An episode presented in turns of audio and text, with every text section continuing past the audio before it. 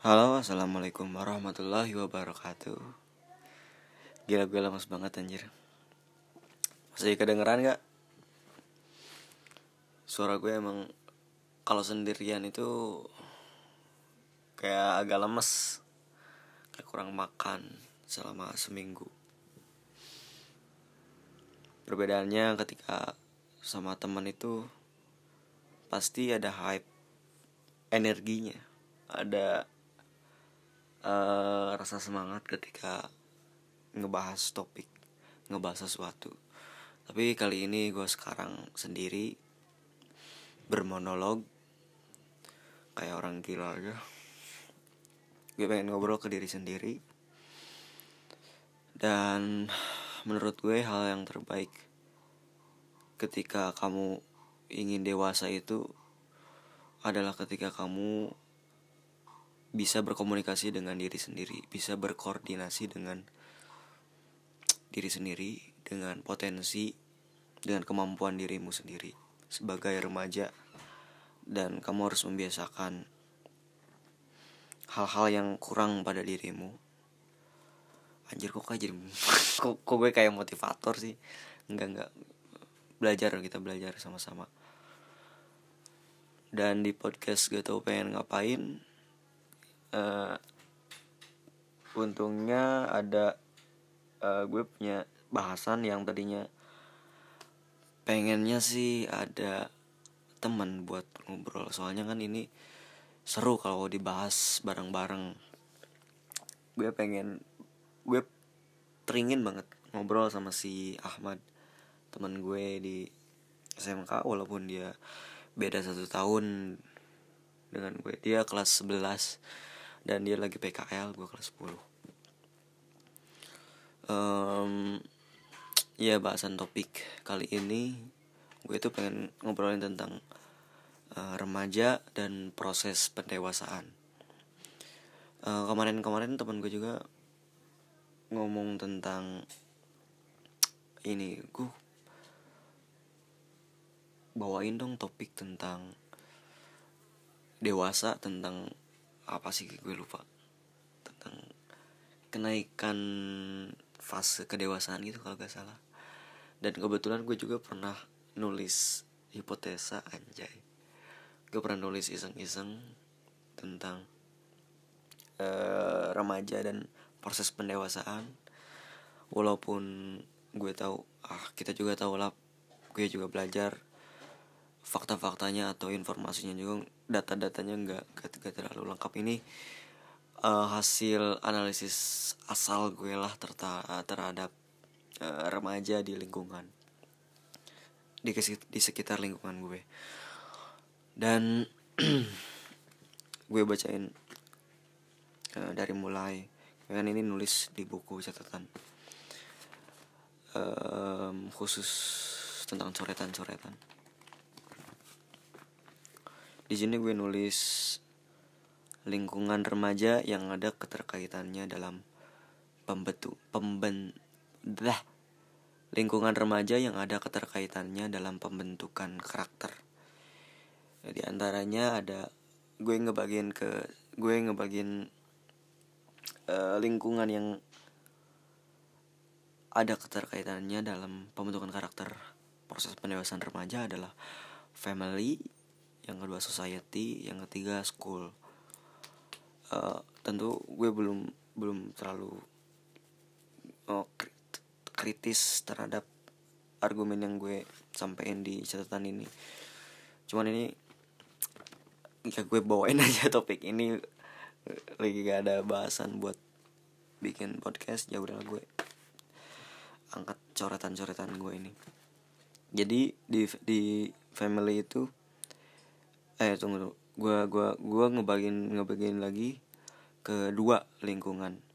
Ada dua lingkungan yaitu lingkungan terdekat dan lingkungan umum. Lingkungan terdekat itu kayak family relationship friends uh, ataupun pacar kalau lu pacaran. Dan yang kedua itu ada lingkungan umum yaitu society dan school.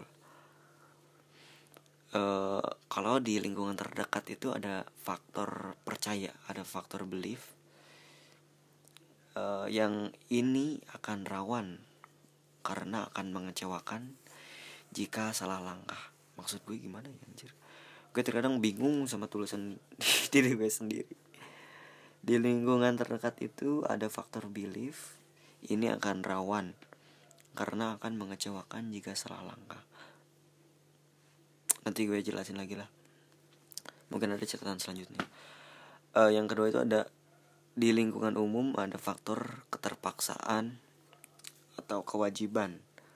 Contohnya budaya juga doktrin-doktrin tradisi setempat. Sebenarnya di uh, lingkungan terdekat juga masih termasuk lingkungan umum masih termasuk society masih termasuk ada budayanya juga di situ. Tapi gue ya udahlah asal aja lah. Kita kita belajar aja sama-sama. Ada faktor keterpaksaan dalam lingkungan umum kewajiban. Contohnya budaya doktrin-doktrin tradisi setempat ataupun kewajiban sebagai warga negara yang diharuskan bersekolah 12 tahun tanpa tahu pasti alasan bersekolah. Ini uh, titik keraguan gue titik kritis gue terhadap uh, kenapa lu pengen sekolah sih? Kenapa uh, kenapa kita ini pengen sekolah sih itu uh, faktor eh, itu itu itu titik kritis gue terhadap uh, diri gue sendiri terhadap uh, pendewasaan gue. Lalu selanjutnya ada gue nulis dengan tunggu tunggu tunggu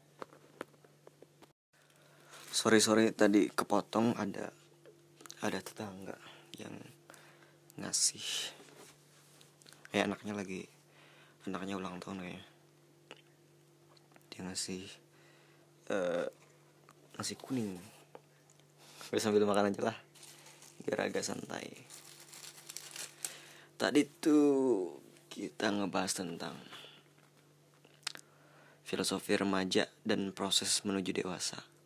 Dengan pengaruh lingkungan, setelah dibahas bahwa lingkungan itu adalah faktor pengaruh terbesar dalam pembentukan remaja, salah satunya lingkungan family dan society. Satu lagi yang belum sempat dibahas yaitu lingkungan sekolah.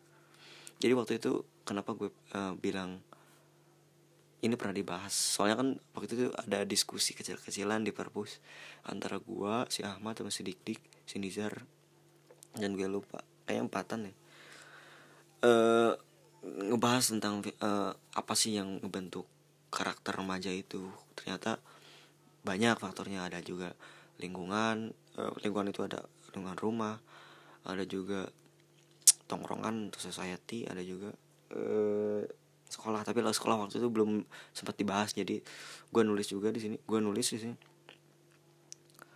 Uh, remaja remaja itu berlari-lari. Itu kayak perumpamaan gua, perumpamaan gue terhadap uh, uh, sosok atau seorang remaja yang seolah-olah dia itu berlari-lari karena mungkin merasa bosan atau ya kan karena dia juga labil. Aduh kok ini kok potong. Sorry. Uh, remaja itu berlari-lari. Kita tahu bahwa family atau kualitas keluarga atau parenting itu sangat ditekankan untuk mendidik remaja dan prosesnya menuju dewasa. Contohnya ketika kualitas atau hubungan interaksi antar sang orang tua dengan anak berlangsung buruk, maka kemungkinan sang anak akan mencari kebahagiaannya sendiri yang kita tahu dengan dunia luar atau lingkungan selain family. Jadi di di di tulisan itu di tulisan tulisan ini gue gue gue mau nyampain kalau ternyata selain fisik selain jasmani seorang remaja itu terpenuhi dia dikasih makan di di di, di, rumah dia kasih dikasih makan dikasih kebutuhan kayak uh, apa ya kayak kesenangan uh, mungkin ya yang sangkut pautnya dengan jasmani lah dia terpenuhi tapi secara batiniah atau secara mental dia kurang memuaskan atau kurang memenuhi dia si remaja itu sendiri. Jadi dia itu mencari kualitas selain dari family yaitu dia mencari ke society dia mencari keluar. Jadi uh, itu penyebabnya. Mungkin remaja uh, merasa kurang nyaman di rumah. Dia mencari kenyamanan di di luar kayak di tongkrongan atau di di di society lainnya. Nah di sini kita beralih dikarenakan lingkungan family tak dapat atau tak ada kualitas interaksi antar anak dan orang tua. Maka sang anak tersebut mencari interaksi yang me, me, me, me apa ini namanya? Yang memuaskan kualitasnya dalam kebahagiaannya kebahagiaan batin atau mental. Yaitu society diibaratkan dunia kedua setelah uh, rumah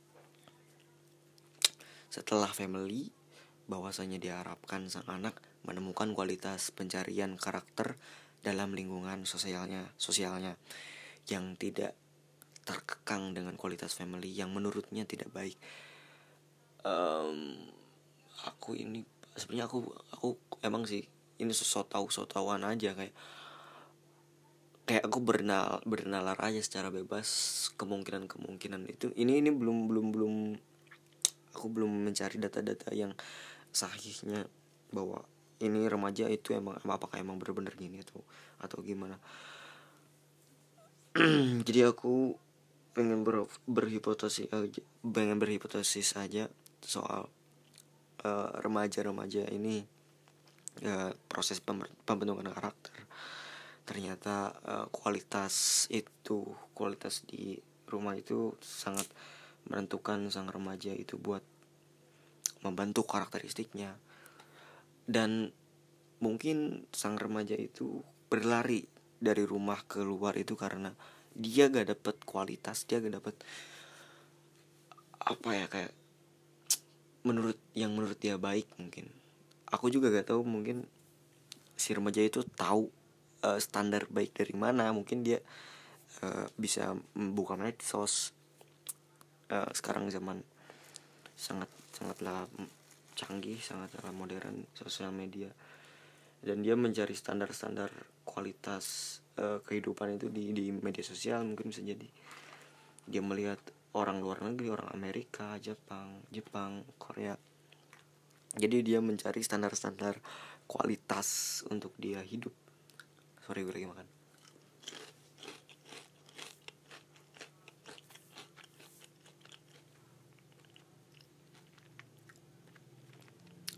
sorry. Uh, tidak terkadang lalu gue di sini nulis. Jadi uh, ini gue mau mau tunggu tambahin penanda dulu. Jadi di situ disebutkan bahwa dengan pengaruh lingkungan jadi jadi yang membentuk yang membentuk karakteristik remaja itu adalah dunia pertama yaitu e, rumah, dunia kedua yaitu society atau lingkungan. Jadi remaja itu kayak dia itu pengen dia jiwanya itu tergerak ingin bebas.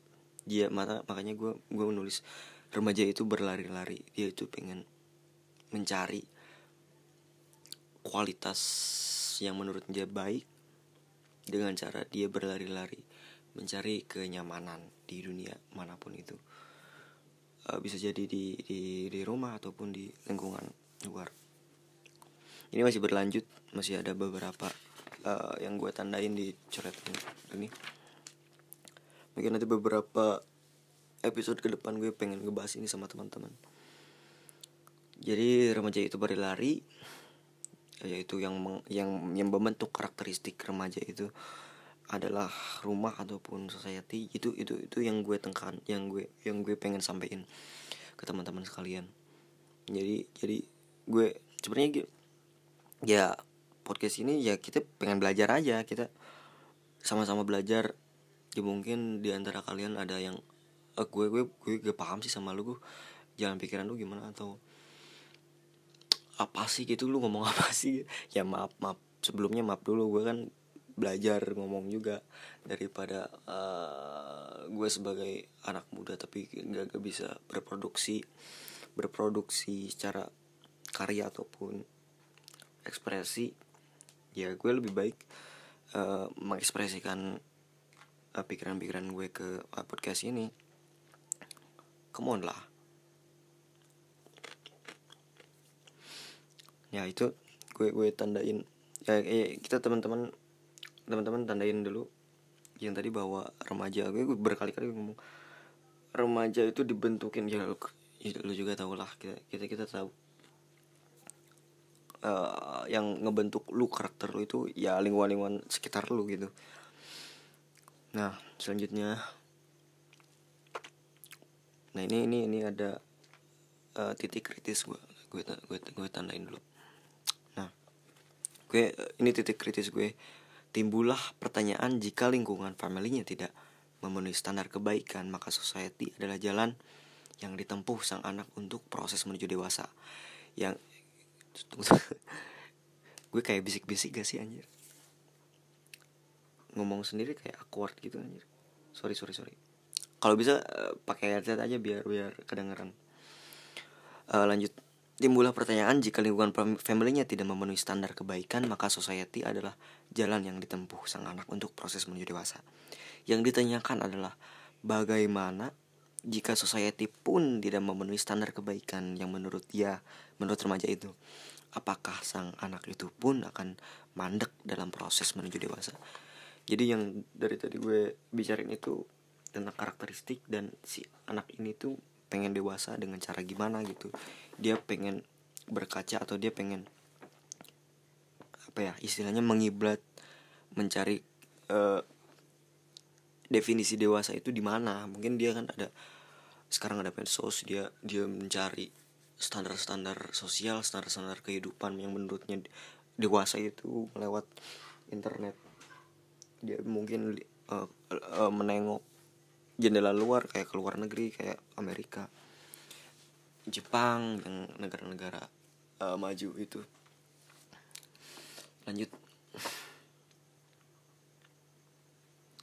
Sang anak itu yang tadi disebutkan sang itu sang anak itu akan mandek jika family dan society tidak mencangkup standar kualitas kebaikan. Jadi maksud pandak itu jadi kan tadi sang anak itu kan ada di rumah. Dia ada di rumah tapi dia tidak merasa nyaman, tidak merasa baik, tidak merasa ya dia gak, gak memenuhi kualitas batin untuk ke kementalan si anak tersebut. Dan dia lari ke dunia luar ke dunia kedua yaitu tentang society. Dan ternyata dan bagaimana jika society society itu pun tidak memenuhi standar uh, kebaikan dia? Apakah si dia apakah si anak ini akan uh, memaksakan dirinya untuk uh, menerobos atau untuk membiasakan dia untuk berhidup bersama society untuk dia hidup dengan society tersebut dan dia akan ter, ter tergoreng atau termasak oleh tungku society society. Anjir gue puitis banget. Apakah dia akan uh, terbentuk karakternya karena dia uh, terbiasa dengan society itu walaupun dia tahu bahwa society itu gak baik menurut dirinya. Tapi karena dia terpaksa di rumah pun dia gak dapet standar kebaikan menurutnya dan dia ya udahlah terpaksa dia uh, nongkrong di di luar. Walaupun dia tahu itu gak baik. Jadi pertanyaannya itu jika bagaimana jika society pun gak memenuhi standar ya ini ini ini ini. Bentuk kritis gue hmm kayaknya kayaknya ini bisa balik lagi ke ke poin yang pertama yang gue gue pertama yang awal tadi gue jelasin bahwa ternyata di faktor uh, lingkungan umum itu eh, lingkungan yang ada faktor belief ini akan rawan karena akan mengecewakan jika salah langkah. Kok gue jadi banyak problem gini sama argumen gue sendiri anjir? Nah inilah bentuk uh, kesalahan gue. Ya gue gue gue juga gak ada niatan sebenarnya gak ada niatan untuk uh, lu percaya atau lu uh, kayak gue gue gue gak, gak ngajarin atau gak ini gue gue sharing aja gue ekspresi. Dan kalian juga tahu kan sekarang gue bermasalah dengan argumen gue sendiri. Gue gue, gue masih bermasalah dengan argumen gue sendiri. Gue gue selalu berdebat dengan diri sendiri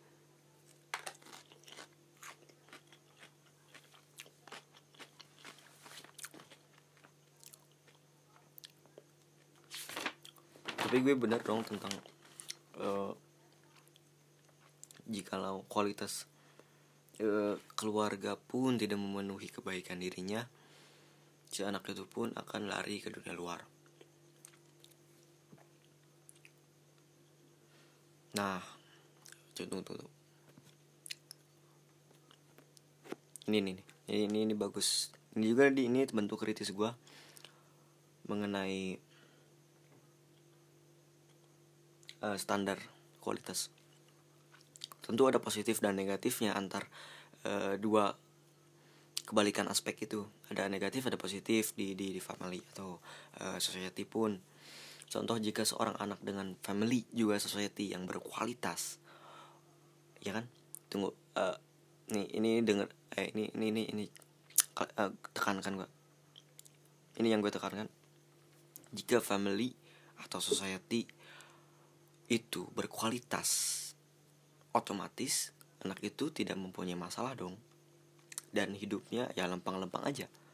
Dengan kata lain pikiran raga uh, jasmani ataupun uh, rohani dia atau batinnya tidak terlatih. Jadi dia gagal merasa gagal atau dia gak merasa ada pengalaman karena kualitasnya uh, lempang-lempang aja gitu. Dia dia gagal punya pengalaman yang membuat dia punya cerita tentang oh ternyata ini lingkungan ini merasa ini gak baik gue kayaknya jadi dia timbul rasa rasa critical thinkingnya menimbulkan rasa ragu. Dia juga bisa jatuh dia juga bisa berbuat salah si anak itu dan di dan itu akan mengkayakan uh, pengalaman batinnya. Jadi itu positif. Eh jika seorang anak jika family juga society-nya berkualitas, otomatis anak itu mempunyai masalah. Eh, tidak mempunyai masalah dong. Dan hidupnya ya lapang-lapang aja. Dengan kata lain, pikiran, raga, dan batinnya tidak terlatih menghadapi masalah. Yang berarti sama aja, itu sama aja mandek. Jadi itu, jika society dan uh, rumah pun berkualitas, di sisi lain dia gak punya masalah dong dia dia kayak lempeng hidup kayak kayak oh ya udah gue punya privilege yang gue anak baik dan gue gak punya masalah apa pun. Tapi lu gak punya masalah gue lu gak pernah jatuh dan lu gak pernah merasakan uh, uh, batin lu terlatih mental lu terlatih gitu. Nah itu dampak uh, positif negatifnya. Dan mengapa orang lempeng-lempeng aja menurut saya mandek?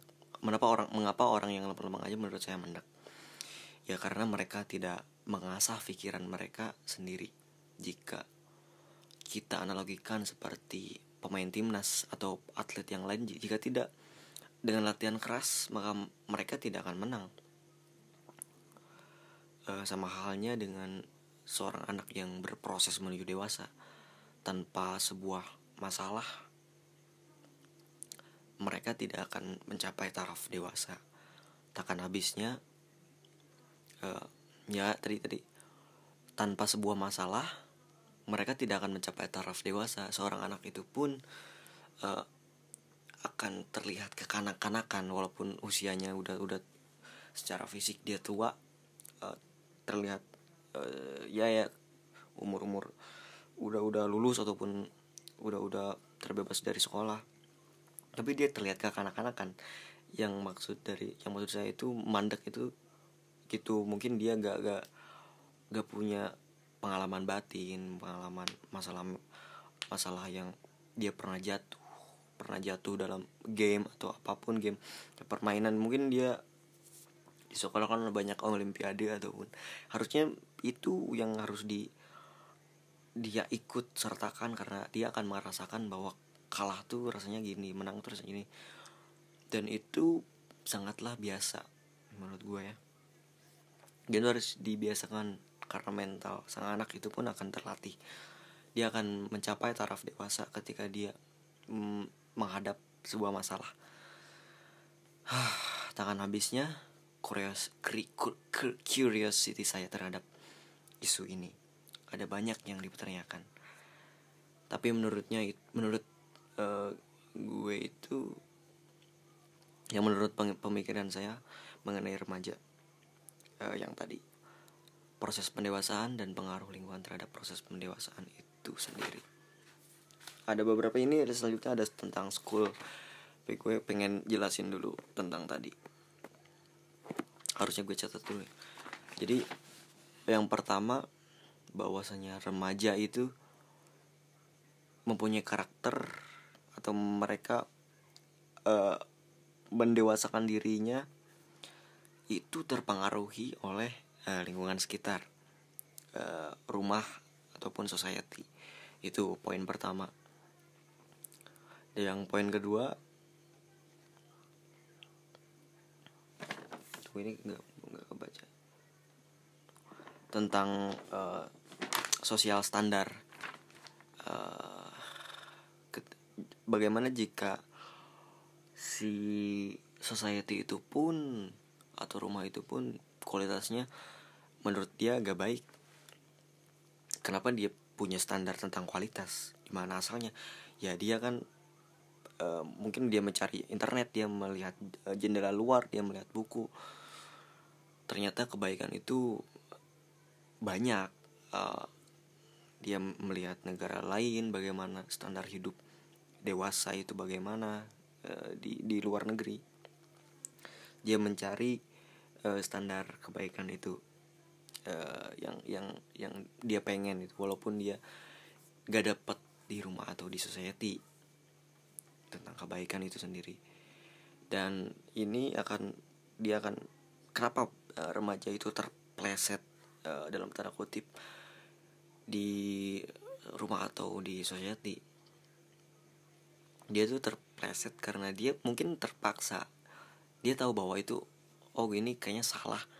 Tapi karena faktor ya mungkin udahlah udahlah kepaksa gitu. Gue tuh gue gue gue gue ungkapin batin gue atau gue puasin batin gue di di, di tongkrongan ini. Ya lu tau lah gimana uh, sisi sisi lain dari tongkrongan. Di remaja di di di zaman ini. Yaitu poin poin-poin kedua tentang standar kualitas. Uh, poin ketiga uh, critical thinking atau krit, titik kritis gue terhadap standar-standar uh, kualitas.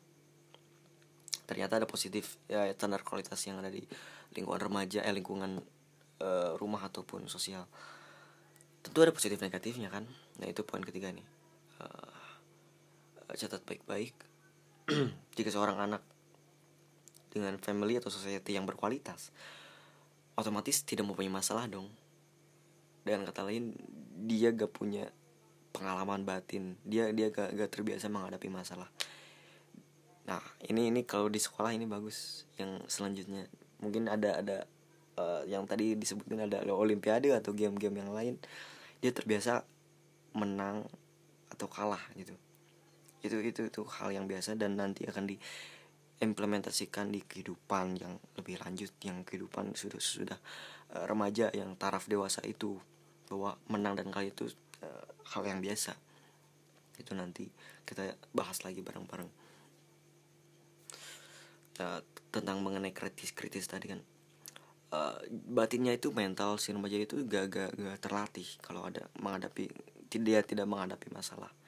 Karena rumah atau sosialnya itu kayak bagus gitu kayak uh udah baik banget lah gitu. Baik banget lah gitu. Gue tipe mulu. Um, batinnya tidak terlatih dia dia gak gak gak mencapai tarif dewasa. Karena dia gak, gak terlatih mentalnya. Itu tiga poin yang pengen gue sampaikan di di uh, episode episode berapa sih sekarang? Lima kalau nggak salah. Eh, empat empat. Oke lah. Singkat aja lah tiga poin itu. Kapan-kapan gue bahas lagi tentang karakteristik remaja dan uh, proses dia menuju dewasa dan apa pengaruhnya uh, sangkut pautnya dengan lingkungan sekitar. Saya pamit undur diri tangguh sorry kalau suara gue pelan. Uh, wassalamualaikum warahmatullahi wabarakatuh. Bye. Sorry ya kalau boring